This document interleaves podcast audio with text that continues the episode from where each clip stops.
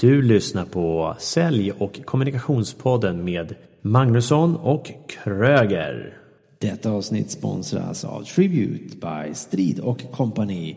Den 19 februari i Stockholm kommer bland annat supermäklaren Fredrik Eklund och föreläser. Läs mer om Tribute-eventet på magnussonkroger.se. Där hittar du även rabattkoder. Nu sätter vi igång.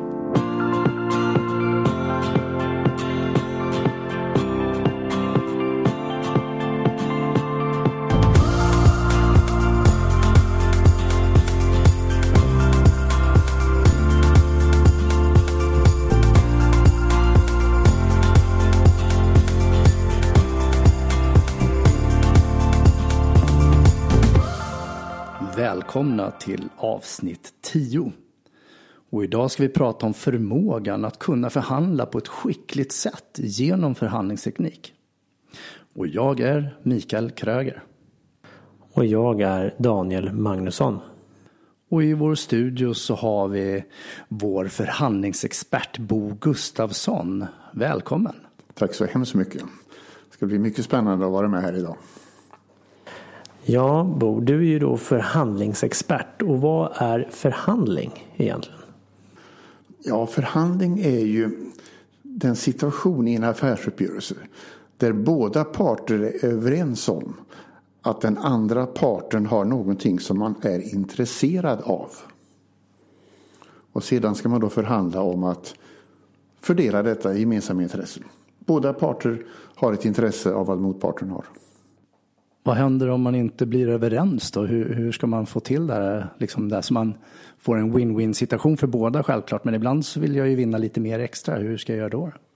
Jo, det är väl klart att man måste bli överens. Men det du säger nu tycker jag är rätt intressant. Och det där tänker jag rycka upp med rötterna, förstår du. Härligt. Win-win, det är endast en teori, unge man. Ingenting annat. På vilket sätt är det en teori då? Jo, man talar ju om att båda parter ska vinna. Och i den bästa av världar ser det naturligtvis ut på det viset. Låt mig få ta ett enkelt, ett riktigt klassiskt exempel. Två personer sitter vid ett bord. På bordet ligger en apelsin. Båda två vill ha hela apelsinen. Den ena personen skär apelsinen i exakt lika delar. Den andra personen väljer vilken del man vill ha. Var detta en vinna-vinna-lösning?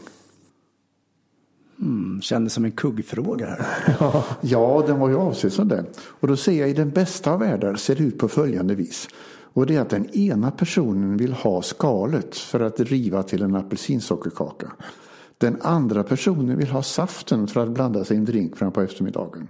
Det hade varit en vinna-vinna-lösning. Men så ser inte verkligheten ut. Låt mig kort få berätta hur denna verklighet ser ut. Det är på följande sätt. Jag har tagit fram ett koncept, ett erbjudande som jag säljer och marknadsför. Nästan alla mina kunder har synpunkter på innehållet. Alla har synpunkter på min prissättning. Jag har haft kostnader för att ta fram detta fantastiska erbjudande och jag har lagt på en vinstmarginal som jag tycker är rimlig. Denna vinstmarginal vill min motpart ha en del utav. Och detta är fan ingen vinna-vinna. Nej, det har du helt rätt i. Där, där har vi alltså förhandlingen. De vill ha en del av min vinstmarginal. Och det vill inte jag släppa ifrån mig. De rackarna, hur, hur brukar det sluta då? Ja, oftast blir det att man möts någonstans. Men just denna situationen, som så ser verkligheten ut, det är inte vinna-vinna. Så att eh, det kan man ju förstå att eh, god förhandlingsförmåga kommer väl till pass just i detta läget. Och det jag tänker här, det blir väl lite också att det, blir ju, det kan ju upplevas som en vinna-vinna. För att vi hittar en gemensam eh, överenskommelse.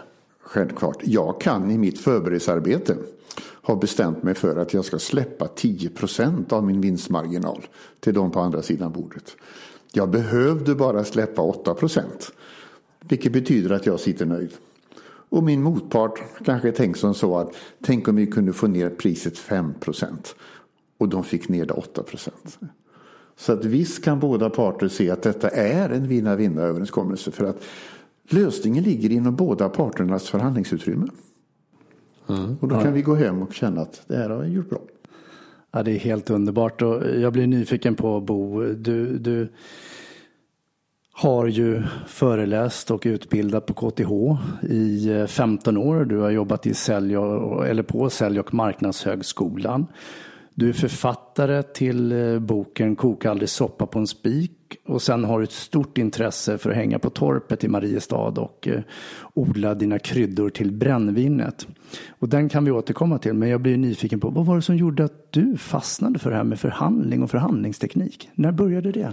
Ja, det började 1982 eller 83. Så eh, då var jag verksam på Mercury International och eh, vd för Mercury International på den tiden, Erik Holmberg, beslutade att vi på Mercury skulle skapa världens bästa förhandlingsutbildning. Han kallade det så. Vi skapade en utbildning som vi kallade för utvecklingsprogram för kvalificerad förhandling. Det var en förhandlingsutbildning i fyra steg med tre dagar i varje steg. Alltså sammanlagt tolv dagar. Mellan dessa Eh, kurstillfällen så hade vi hemträffar där tre och tre träffades för att diskutera interna problem i förhandlingen. Det vill säga nu kommer vi att hamna i en svår prisförhandling. Då var det de frågorna som lyftes. Så alltså fyra steg och med mellanliggande arbetsuppgifter. Och det var vårt krav på kursdeltagaren. Att om man inte var chef i sitt bolag så skulle man ha sin chef med på dessa workshops emellan. Och varje deltagare tog med sig ett affärsprojekt eller en affärs Eh, vad man nu ska kalla det för, i avsikt att få den löst under det här året som man gick vår utbildning. Och det här var 82 eller 83? Ja, 83. Jag tror det är mer 83 än 82. Så var, var ni först ut egentligen med det här då? Eller vad, ja, vad, vad har du fått kunskap ifrån? Det var vi. Nej, jag råkade bara då bli handplockad av vd. Så att vi tillsammans eh, jobbade fram detta konceptet. Då som vi kallade utvecklingsprogram för kvalificerad förhandling. Det blev, det blev mycket efterfrågat och framförallt när man nu fick hem sina affärer tack vare utbildningen så blev det en riktigt, riktigt god renommé över det här fina innehållet kan vi säga. Så det Där mätbar. startade alltså mitt intresse. Och sen har jag då jobbat med det under många herrans år och utvecklat nya strategier, taktiker i just detta ämnet. Då. Ja, om du skulle, du har ju hållit på länge. Eh, jag möter ju män i din kaliber och det ibland och så känner jag så här, jaha, du har ju sålt längre än vad jag har levt i vissa fall, inte i det här fallet kanske. Men, eh, hur, har du någon, hur mycket har du hållit på med det här egentligen med förhandling och? Ja, jag fick en liknande fråga bara för någon vecka sedan. Och jag sa jag tror det handlar om hundra dagar per år under de här åren. Som du har förhandlat? Som jag har förhandlat, som jag har utbildat och eller som jag har varit operativ vid förhandlingsbordet tillsammans med min uppdragsgivare. Så att eh, extra learning kan vi kalla det här för. 100 dagar per år i 32 år blir eh, rätt många dagar. Aha. Gånger sju timmar så blir det också några timmar. Så du passerar en bit över 20 000 timmar? Ja, räknar vi så så blir det faktiskt det. Och, och, det brukar ju sägas den här gamla klyschan att ska vi bli bra på någonting så behöver vi ju träna 10 000 timmar på det. Mm. Om jag nu ska börja spela piano eller om jag ska Just bli elitidrottsman eller någonting. Ja. Så du har tränat? Ja, så in i Norden. Och jag måste nästan berätta en sak för er också. Att jag tror jag har gjort alla fel som går att göra under den här resan. Så det är ingen risk att anlita mig i fortsättningen. Vad, vad, har du gjort för största fel? Har du någon sån här groda som du kanske både är stolt över men som inte var så rolig just då kanske? Ja, jag kommer inte ihåg rakt över disk så här, men eh, naturligtvis är det man sitter och förhandlar och på slutet, då först förstod jag att det är inte beslutsfattarna jag har förhandlat med. Då känner man sig rätt korkad kan jag säga. Det är, ja, och så vidare. En liten klassiker där. Ja, vad bra. Då ska vi ta det vidare inom organisationen. Eller ja. då ska jag prata med ledningsgruppen eller vad det nu än är. Ja. Och ett tips där för att motverka det så att, att jag, ja, jag brukar, inte sitter där. brukar i all ödmjukhet när jag sitter med personerna framför mig säga som så att är det någon mer hos er som kommer att vara delaktiga i beslutsprocessen i den här frågan? Och där kommer ju då svaren fram. Men, eh, hände ett antal gånger att jag tappade bort den viktiga delen. För att, eh, de hade slips på sig och sånt där. Och, ni vet. Hörnrum och skinnsoffor på rummet. Alltså. Han föll, föll i Herlandsson. Utifrån alla fördomar. Ja. Just det. Men när ställer du den frågan då? Med just om alla beslutsfattare är med? Ja, den ställde jag eh, garanterat i det jag kallar då för den sonderande förhandlingen.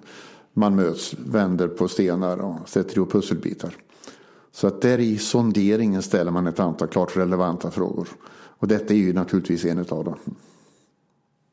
Sonderande förhandling. När jag hörde det ordet första gången så var det som ett stort frågetecken i mina öron. Jag, jag kan tänka mig att det finns en del lyssnare som också bara eh, sonderande förhandling, vad är det? När kommer det?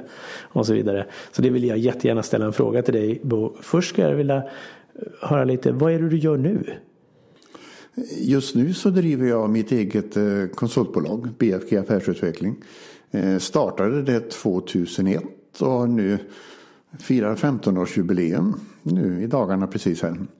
Och eh, där hyr jag ut mig själv som temporary manager till olika företag. Och låt mig likna mitt arbete vid eh, det som sker ute på redden utanför en stor hamn. Där ute tar kaptenen ombord en lots på sitt fartyg innan man ska in i den trånga passagen. Varför gör han det? Ja, naturligtvis för att det är lågvatten just nu och starka strömmar. Men han gör det också för att visa sina ägare fullt ansvar. För att nu är det full kompetens på kommandobryggan. Verkställande direktörer i bolag borde mycket, mycket oftare också säkerställa att det är full kompetens ombord när man ska in i en trång passage. Vissa har den här insikten och vissa ringer till mig och ber om hjälp. ja, ni förstår, eh, liknelse med en lots Så att jag har varit inne i, jag har varit eh, marknads och försäljningschef på ABB, jag har varit inne på Ericsson, AstraZeneca, inne på Volvo, en rad stora bolag och även mindre bolag. När de har varit stadda att komma in i en trång passage av olika skäl. Ett exempel var ju avregleringen av el. Då fick jag vara med på ett av de stora elhandelsbolagen och bygga upp säljorganisation innan man blev konkurrensutsatt. När det stora bemanningsföretaget upptäcker att nu tänker Manpower ta klivet från Norge in i Sverige. Fick jag vara med där och rusta en organisation för att möta detta nya hotet. Olika organisationer, olika mognad, men i stor utsträckning lika problemställningar. Och även som så när jag fick vara med AstraZeneca att lansera efterföljaren till Losec, alltså Nexium. Vet ju de som har haft ont i magen ibland. Men som ni förstår, trånga passager kommer ständigt. Och vad jag vill ha sagt med det är att eh, verkställande direktörer borde lite oftare säkerställa att det är full kompetens ombord. Ja, jag håller med så, att, eh, så ser mitt liv ut att sett ut de senaste 12-15 åren. Men jag fick ju höra, jag träffade dig på nätverksträff eh, vid något tillfälle här eh, för ja. kanske ett halvår sedan eller något. Och eh, då berättade du om när du skulle få jobbet på, jag tror att det var ABB. Ja, är det någonting som du får och vill berätta hur det gick till? Ja, jag får naturligtvis berätta om det för att det är fullt sanningsenligt det jag säger. Det, och det är en, kan vi säga då, en ganska märklig tillställning. Men jag blev för, fick en förfrågan om att komma till ABB och hålla en föreläsning om affärsmannaskap och affärsförhandling. Eh, föreläsningen gick bra. De frågade om jag kunde komma tillbaka efter någon vecka för att en ny grupp då skulle lyssna. Och det gjorde jag. Och efter detta fick jag en förfrågan också ifrån dem. Skulle man kunna göra en utbildning i affärsförhandling och affärsmannaskap för våra, som det då heter, då, försäljningsingenjörer? Och jag sa att det går. Jag gjorde en sådan och vi startade utbildningarna med ett förbehåll från min sida. Och det var att jag vill ha försäljningsingenjörernas chefer med på utbildningen också. Vilket naturligtvis gick att ordna. Och jag genomförde några utbildningar och märkte då att cheferna inte riktigt gav mig bra svar på mina frågor.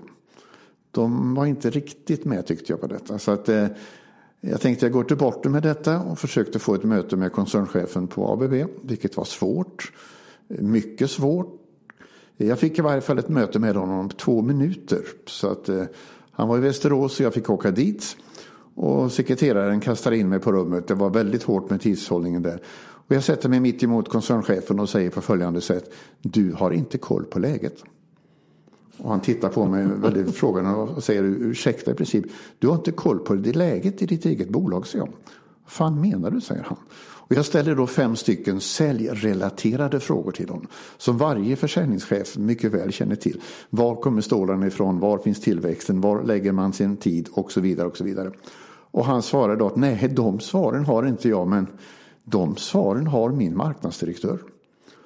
Och jag lutar mig då över bordet och frågar honom, vet du eller tror du att han har det svaret? Den är ju skön.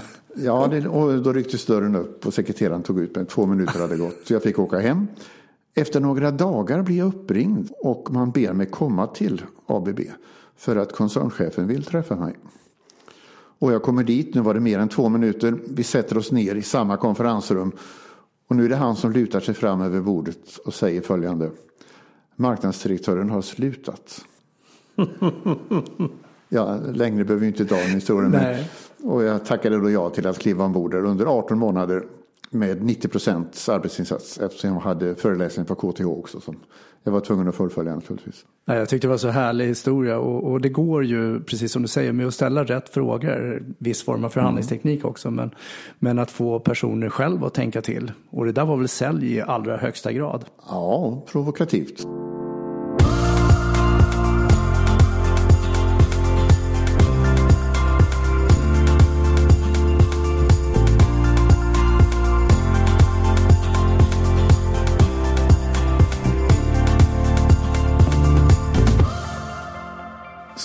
Går tillbaka till då eh, sonderande förhandling. Mm. Var det det som hände där? Blir det en sonderande förhandling där? Vad, vad är det om du ska förklara det? Först och främst kan man säga att en kvalificerad förhandling löper genom tre väl definierade faser. Först har man den första fasen, vilket man kallar då för affärsanalys och förberedelser. Vi vet att vi ska ha ett möte. Och det är klart att man anstränger sig i förberedelsearbetet. Och ett antal relevanta frågor måste ställas innan första mötet. Internt så att säga? Då, Internt, ja, ja, i förberedelsearbetet. Man kallar det ibland med ett fint ord för affärsanalys. Sen träffar vi motparten för första gången. Och då har vi informerat motparten om att vi ser fram emot att ha ett första sonderande möte med dem. Då betyder det att de vet att de då inte behöver vara förberedda på att dela om pris eller andra beslut. Utan vi har en sondering. Ibland kallar man det som ni vet för en förutsättningslös diskussion. Men om jag skulle få be er som lyssnar nu att skaffa er ytterligare någon god vana i ert affärsmannaskap så är det att boka sonderande möten innan ni sätter er i en förhandling, det vill säga slutförhandling. Avsikten med det sonderande mötet är att du ska få en så bra beslutsunderlag som möjligt inför förhandlingen. Och eh, detta kan ju mycket, mycket väl belysas genom, jag vet hur många företag som säger så här. Många av de affärer som vi har gjort skulle ha kunnat gjorts lite bättre. Och förmodligen är orsaken dåliga förberedelser. Så att svaret på en sondering, jo det är just att sondera läget, lyfta på stenar, sätta ihop pusselbitar i avsikt att få ett bra beslutsunderlag innan man sätter sig i slutförhandlingen. Och den kan ju vara ganska avväpnande också. Det, det, jag jag ja. tänker att det är ett enkelt fikamöte. Det är inga prestationer utan vi tar reda på fakta och, och efter det så får vi väl göra vår hemuppgift och räkna på priser och presentera avtal och allt sånt. Alldeles riktigt, alldeles riktigt. Mycket bra tips. Jag ska börja sondera mina kunder och uppdragsgivare. Sen ska ni också veta då att är det en större, en komplex affär, ja då kanske man har tre, fyra, fem, sex sonderande möten. Som jag precis har varit igenom här nu när jag har sålt ett bolag. Och då hade vi väldigt många sonderande möten innan vi kom in på själva slutförhandlingen som ni förstår. Kallar de för sonderande möten? Kallar man för sonderande möten eller sonderande förhandling. För jag tänkte du använde också ett ord som affärsmannaskap hörde jag. Och, ja. och det låter ju lite som gammelsvenskan då. Affärsmannaskapet, här genuina handskakningen. Ja. Mm. Är, är det de orden som används än idag? Ja, om affärsmannaskap används sådär men helt klart är det att är det någonting som är ett hantverk så är det förmågan att kunna förhandla vid sittande bord. Och det är inget man föds till. Utan någonting man tränar sig till att bli skicklig på som sagt. Ja, 20 000 timmar. Ja, det... Är du skickligast i Sverige på förhandling? Ingen aning vet du. Nej, för, att, för hade du sagt ja så hade jag frågat hur, hur vet du det och hur mäter du det? Ja. ja, det kan man nog inte mäta. Men eh, det fina i kråksången är ju just nu att eh, nu ringer ju telefonen hos mig. Jag slipper ju själv att ringa efter alla dessa år. Och eh, jag skulle kunna ta en liknelse till som jag har slitit kan jag säga. Säkert har ni sett någon gång på någon OS-final. Det är 100 meters. Och ni ser de här då vältränade personerna som ligger i blocken. Skottet går. Och de springer så in i helvete i 80 meter. Sen ser man riktigt hur de reser sig upp, slappnar av och bara flyter i mål de sista 20 metrarna. Där är jag just nu. Underbart. Ja. hur, hur, länge till håller du på och flyter de där sista 20 meterna? Ja, jag vet faktiskt inte riktigt. Jag känner mig frisk och kry och full med entusiasm och, och tycker det här är väldigt, väldigt kul kan jag säga. Mm. Och framförallt är det då förhandling är ju problemlösning. Så att jag slipper ju sudoku och sånt där som ni förstår. Jag har ju problemlösning på dagarna. Så att eh, nej, jag tycker det är vansinnigt trevligt det här. Det måste jag säga. Och inte minst den här trevliga delen att vara, vara på skolan då, på Sälja marknadshögskolan. Och få vara med de unga människorna som verkligen vill lära sig. Framtidens förhandlingsexperter alltså? Ja, det får vi hoppas att det blir. De blir inte lätta att tas med, det lovar jag. Nej, och förhandling är ju inte bara just affärsmannaskapet utan förhandling är ju allt. Det kan ju vara om att förhandla om att få se den biofilmen jag vill se med familjen och inte tvärtom ja, till exempel. Absolut. Och detta med den privata delen det, det är som så att goda kunskaper i förhandling det är en av nycklarna till goda relationer med andra människor. Och det ligger då bland annat det här momentet som man kallar anpassningsförmåga med som ni förstår. Men argumentationsförmågan också. Problemlösningsförmågan. Så att eh, konstigt är det ju att den har så litet utrymme i våra skolor idag. Varför är det så då tror du? Ja, jag vet faktiskt inte. Det är, det är väl få färdigheter som man har så stor nytta av som att kunna förhandla. Jag tänker det borde ju vara ett eh, obligatoriskt ämne i skolan. Eh, precis som jag tycker retorik borde vara ett obligatoriskt ämne i skolan. En del av kommunikation och kunna presentera borde vara obligatoriskt. Ja. Och försäljning. Och självklart försäljning. ja. Och det är ju förhandling. Är ju, vi, ja, vi, jag har ju gått en kurs med, med Bo och då kom ju bland annat frågan upp där med när är det en gräns mellan sälj eller försäljning och förhandling? Eller sitter det ihop och så vidare. Och min syn på det hela är att säljet är när vi säljer in en idé och presenterar och får dem att väcka ett intresse. Övertyga dem till att ta ett steg. Och förhandling är ju när vi ska komma överens vad nästa steg är. Och få en gemensam handskakning till ja, exempel. det är riktigt. Ja, titta vad bra. Fick jag, fick jag godkänt av lektorn här. Ja, får du en stjärna nu, en sån här ja. guldstjärna som vi fick i skolan. Ja, jag förstår. Eh, jag blir nyfiken på det här um, torpet, Mariestad och, och som du nämnde här med, med, att du odlar dina kryddor till brännvinet. Är det avkopplingen för dig? Ja, kanske inte specifikt när jag är i den lådan. Men det är, jag är oerhört eh, nöjd när jag går där ute som sagt. Jag är riktigt lycklig. Eh, börja med att eh, plantera frön, sätta potatis och på hösten sätta lökar i god tid. Vitlöken som ni vet den ska ju sättas i jorden tre veckor innan det blir frost. Det visste jag inte dock. Och hur vet du när det blir frost? Ja, man frågar de gamla grannarna runt omkring Som tittar i bondepraktikan. ja, just det. Jo då, jag tror jag lyckades med det i år faktiskt. Men återigen då, det finns ju naturligtvis eh, alla tänkbara kryddor som jag odlar. Då. Flera olika sorters potatis, fem sorters lök, jag vet inte om ni kan fem sorters lök. Men det finns det som ni förstår. Och eh, nu i vår ska jag äta för första gången min egen sparris. Ah. Den måste alltså växa två år utan att man skördar den. Innan man får äta. Så nu till våren, om jag får vara kvar på jorden, så ska jag smaka min sparris för första gången. Oj. Så, så det är viss skillnad att gå där och påta i trädgården och, och landet och mot och hålla på med utbildningar och förhandlingstekniken? Ja, det är det. Och det är en eh, riktig, riktig lisa för själen att komma dit ut. Och jag är rätt ofta där eh, mörka november. Eh, min hustru är inte road av den perioden på samma sätt. Men att vara där ute och hålla på och gräva diken och rätta till stenmuren och gå med röjsågen. Och sen då vid halv fyra, fyra gå in och tända järnspisen och öppna spisen och laga till lite god mat och kanske smaka på någonting som är hemkryddat. Det är rätt sköna dagar. Ja, och när du sitter och berättar här så är det en annan, ett annat ämne som borde vara i skolan. Det är storytelling. ja, kanske det. För det, det är ju någonting som, som du är otroligt duktig på. Och det är det som du har en förmåga av också just när det gäller i dina utbildningar.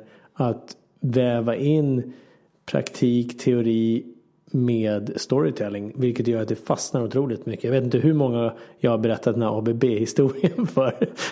så, som du har dragit. Ja, det, det, är helt underbart. Dina elever, vad var det de hade sagt på Sälj marknadsskolan? Jo, de sa här, de brukar säga att Bosse, du har ju lekt in alla kunskaperna under de här utbildningarna vi har haft.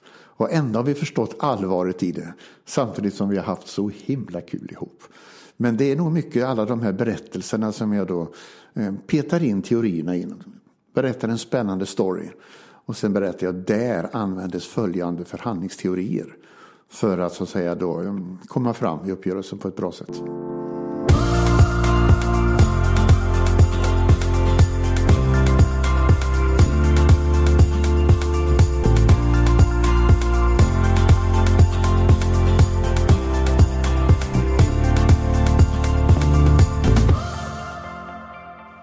Jag kommer ihåg eh, på utbildningen så nämnde du det här just med att förhandling är ingen snällhetstävling. Mm, vad stämmer. menar du med det? Jo, vad jag menar med det är att och vi nu får titta på oss eh, svenskar. Vi är ju ett litet undantag i världen som ni vet. 1,3 promille av jordens befolkning bor ju här i Sverige. Vi tror att svenskt ledarskap, svenskt management, svenska idéer, det ska gälla i resten av världen. Och så är det naturligtvis inte. Men en väldigt, väldigt eh, specifik sak för oss svenskar det är att vi är konflikträdda. Vi är goda och glada och ler. Och när vår, vår motpart börjar bli lite burdus eller medvetet använder sig av förhandlingsjujitsu så viker vi ner oss. Vi har alltså inte förstått att affärsförhandling inte är någon snällhetstävling. Det handlar om att hålla emot. Och det som saknas hos oss enligt min syn och min erfarenhet är att det emotionella vågar vi inte använda. Det vill säga byt ansiktsfärg, ändra tonläge, förändra kroppshållningen och tryck till och visa ditt ogillande över att personen på andra sidan bordet sitter och ljuger för dig. När de säger att vi har bara 1,4 miljoner kvar i vår budget. Nu måste det bli obekvämt. Och det är väl en väldigt tydlig insikt och där svenskar, speciellt svenskar tycker jag, har, har och behöver hjälp. Och en annan det... insikt är ju detta som många tror att det är vinna-vinna som är förhandling. Men den har vi ju redan avfärdat som ni vet. Jaha. Det är en teori endast som sagt. Men jag tänker på det här med jantelagen då. Är, är det det som egentligen påverkar oss? Att vi är lite snälla som du säger då, eller kanske mesiga egentligen om vi tar affärsförhandlingar? Ja, det är mycket, mycket möjligt. Jag träffade ett företag vid tillfälle. Jag skulle hjälpa dem i en affärssituation. Och jag fick eh, några av de duktigaste civilekonomerna och civilingenjörerna fick jag då träffa och vi skulle förbereda oss. Och de är väldigt, väldigt snabba med att sälja, eller säga som så att du förstår Bosse. Jag är ekonom i botten, jag är ingen förhandlare. Ja, och jag, jag är tekniker i botten, säger den andra. Precis som att låt inte oss behöva förhandla för att det är inte vår roll egentligen. Och på något vis förstod de inte att de inte var informatörer. Utan att de skulle gå ut och göra affärer som sagt. Så att jantelagen, ja möjligt, men det här är en starkare sak att man anser sig vara någonting annat än en förhandlare nämligen. Men det där är ju också vanligt i säljfrågor, Daniel, tänker på när du coachar folk och hört att de säger jag är ingen säljare. Ja, det kommer ju upp hela tiden. Jag är ju, ja, som du sa, tekniker eller jag är, eh, sitter på kundservice eller kundtjänst eller jag är ju eh, jobbar med massage eller jag är coach eller jag är, ja, i grund och botten så är vi alla säljare på något sätt. Vi, vi säljer och vi förhandlar hela tiden. Ja, och det är ju bara att acceptera att vi är säljare och förhandlare. Och egentligen så borde vi vara experter på det. För vi kan ju få igenom våra egna förhandlingar om vi ska ha någon resa eller något och prata med några vänner eller respektive. Och då kan vi förhandla hur bra som helst. Exakt. Och ibland kanske vi får ge oss då. Men det blir ju ändå en vinna-vinna om vi kommer iväg. Ja. absolut. Ja, Och en annan väldigt tydlig insikt är också att man vet inte idag hur man ska förbereda sig inför en förhandling. Jag vet när jag genomför utbildningar, delar ut arbetsuppgifterna, säger till de olika ja, parterna, då, köpande och säljande part, att nu får ni en och en halv timme på er att förbereda er utifrån det material som ni nu har fått. Och rätt ofta händer det att efter en kvart kommer någon tillbaks och säger att du Bosse, vi är klara. Säger. Är ni klara? Säger. Ja, vi är klara. Det vill säga, detta är ju ett typiskt tecken på vad jag kallar för omedveten inkompetens. Man vet inte hur man ska göra.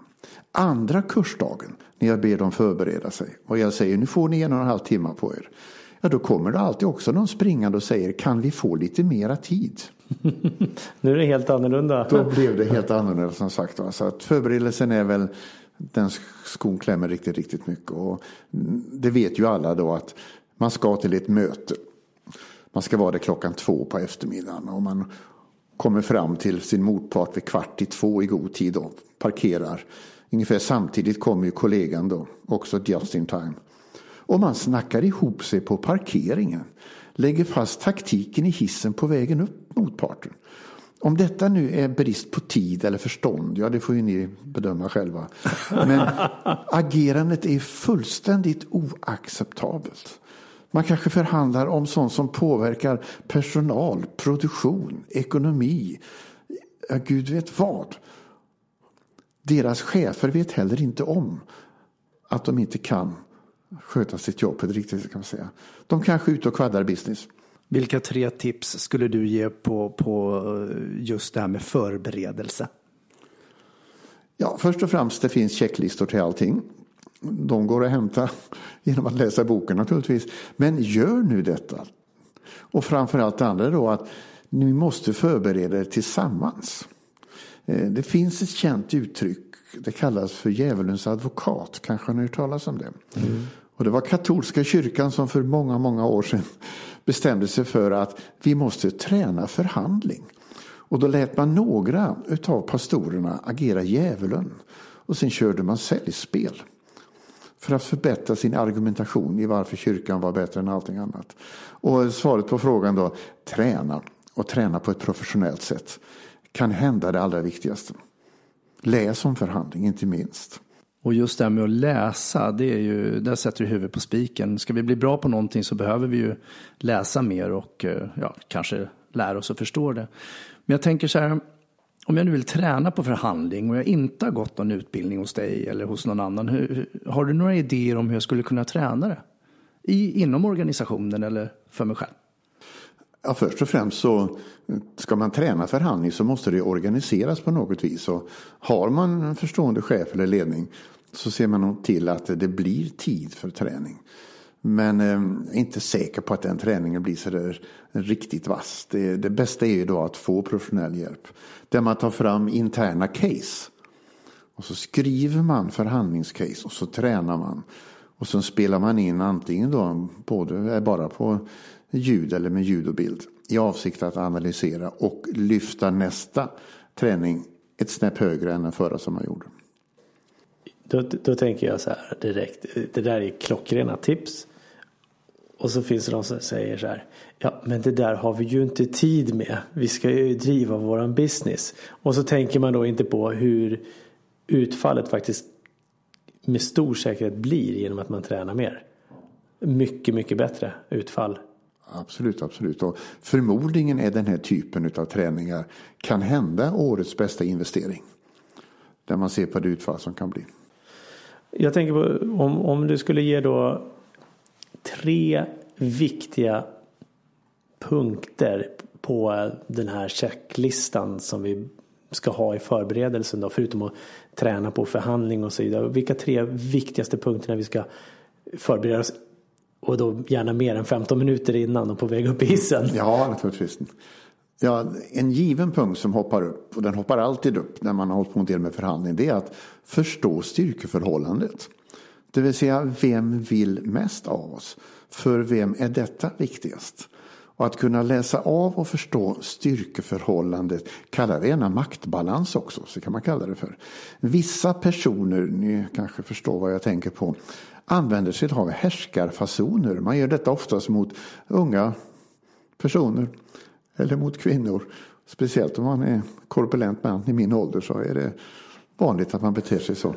Men nu till det allvarliga sammanhanget.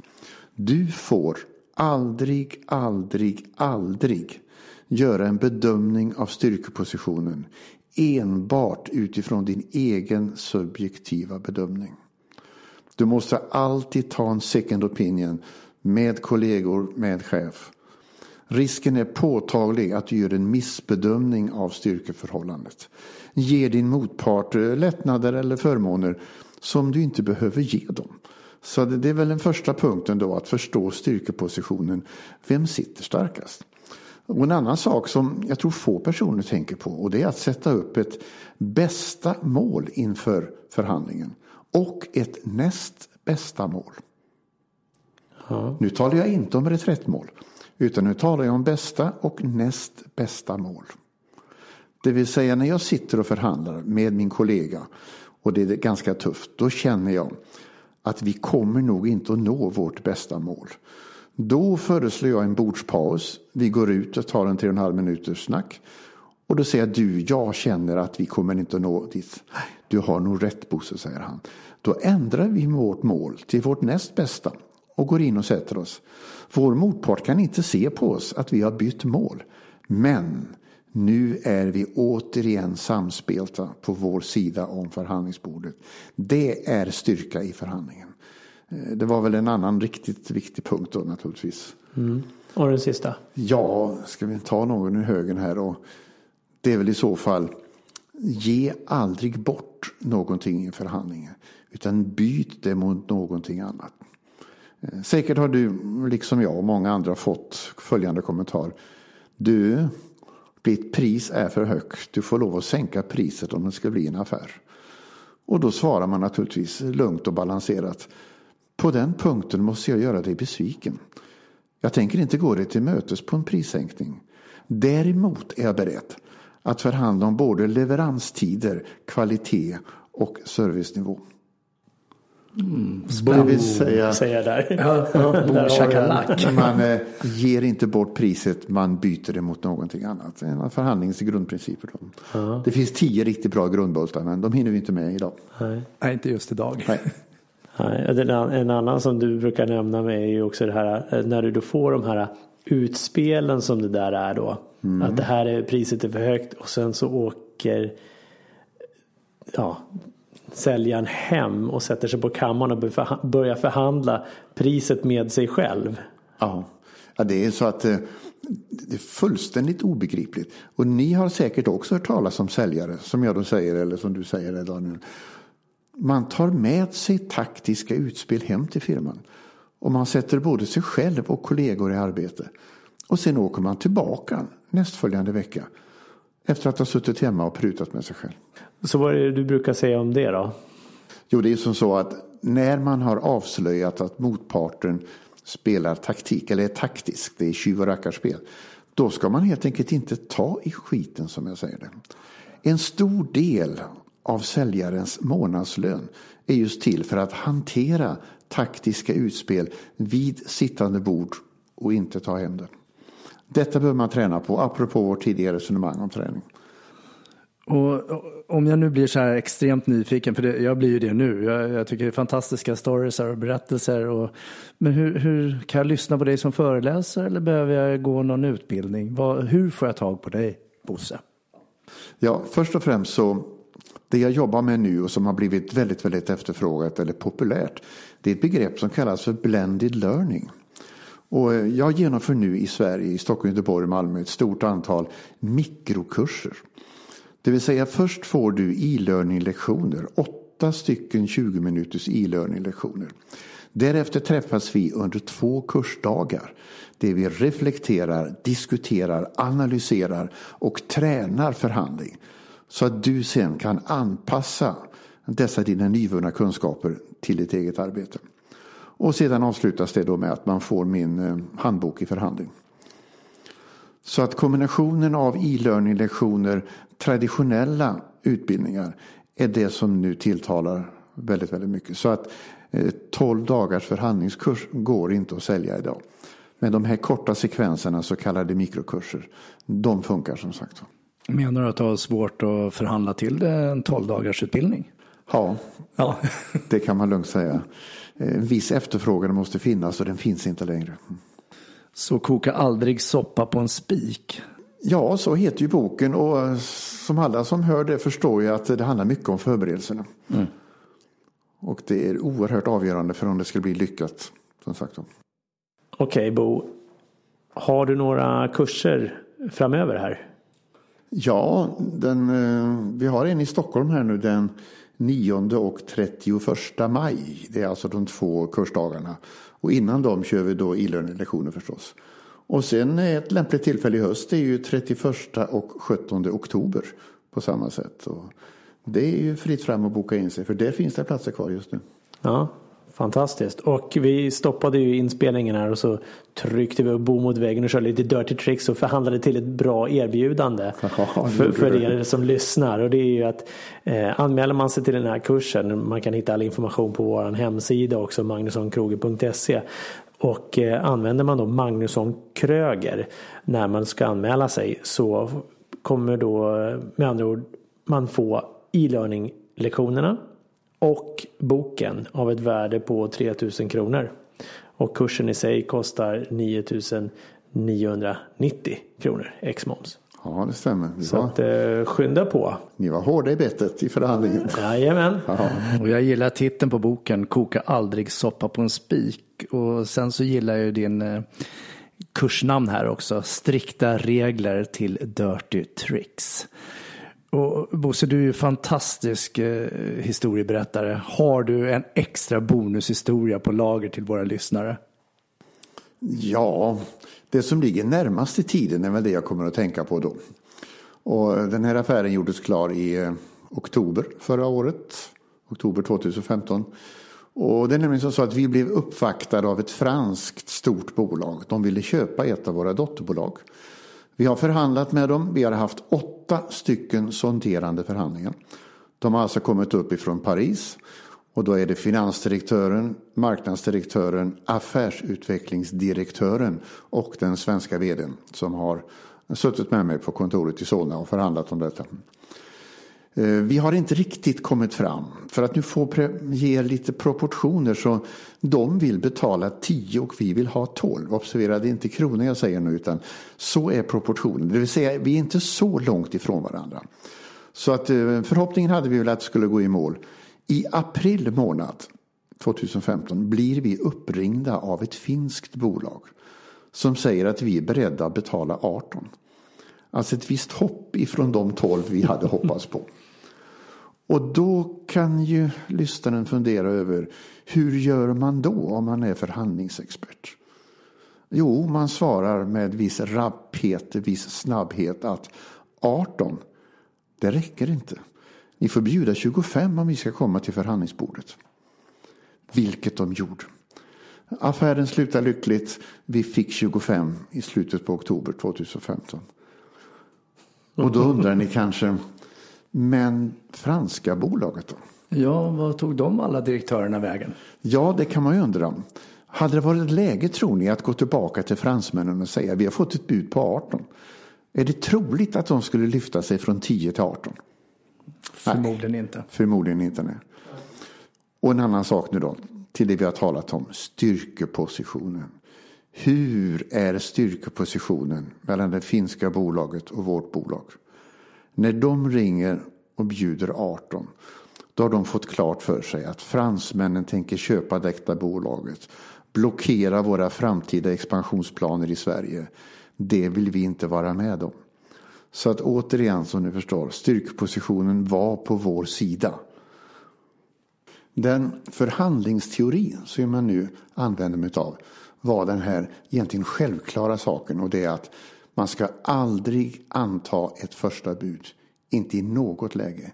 Vilket vi heller inte gjorde och lyckades då lyfta köpeskillingen ytterligare ett bra steg. Definitivt och helt underbart. Ja, det är så härligt. Och jag vet att du har fler, fler stories här på lager och då gäller det nog att du som lyssnar bokar in dig på strikta regler till Dirty Tricks utbildning som är både i maj och oktober. Och du hittar mer information på vår hemsida magnussonkroger.se där du även kan mejla in dina frågor, idéer eller tankar till oss. Och ett stort tack till dig Bo Gustafsson att du har närvarat här idag och förgyllt våran stund här. Ja, tack själv och tack för förtroendet att få komma hit och få resonera förhandling med dig. Det var mycket, mycket spännande. Mm. Ja, det är ett stort nöje. Och för dig som inte har lyssnat på Bo, gå och gör det. För jag sitter som ett barn på julafton med ett leende på mina läppar och lyssnar till honom. Tack för att du har lyssnat och trevlig helg. Trevlig helg.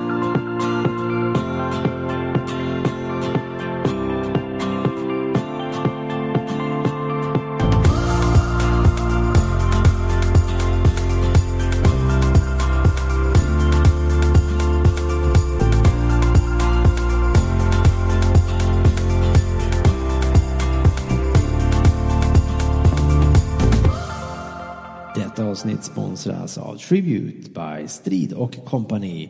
Den 19 februari i Stockholm kommer bland annat supermäklaren Fredrik Eklund och föreläser. Läs mer om Tribute-eventet på magnussonkroger.se.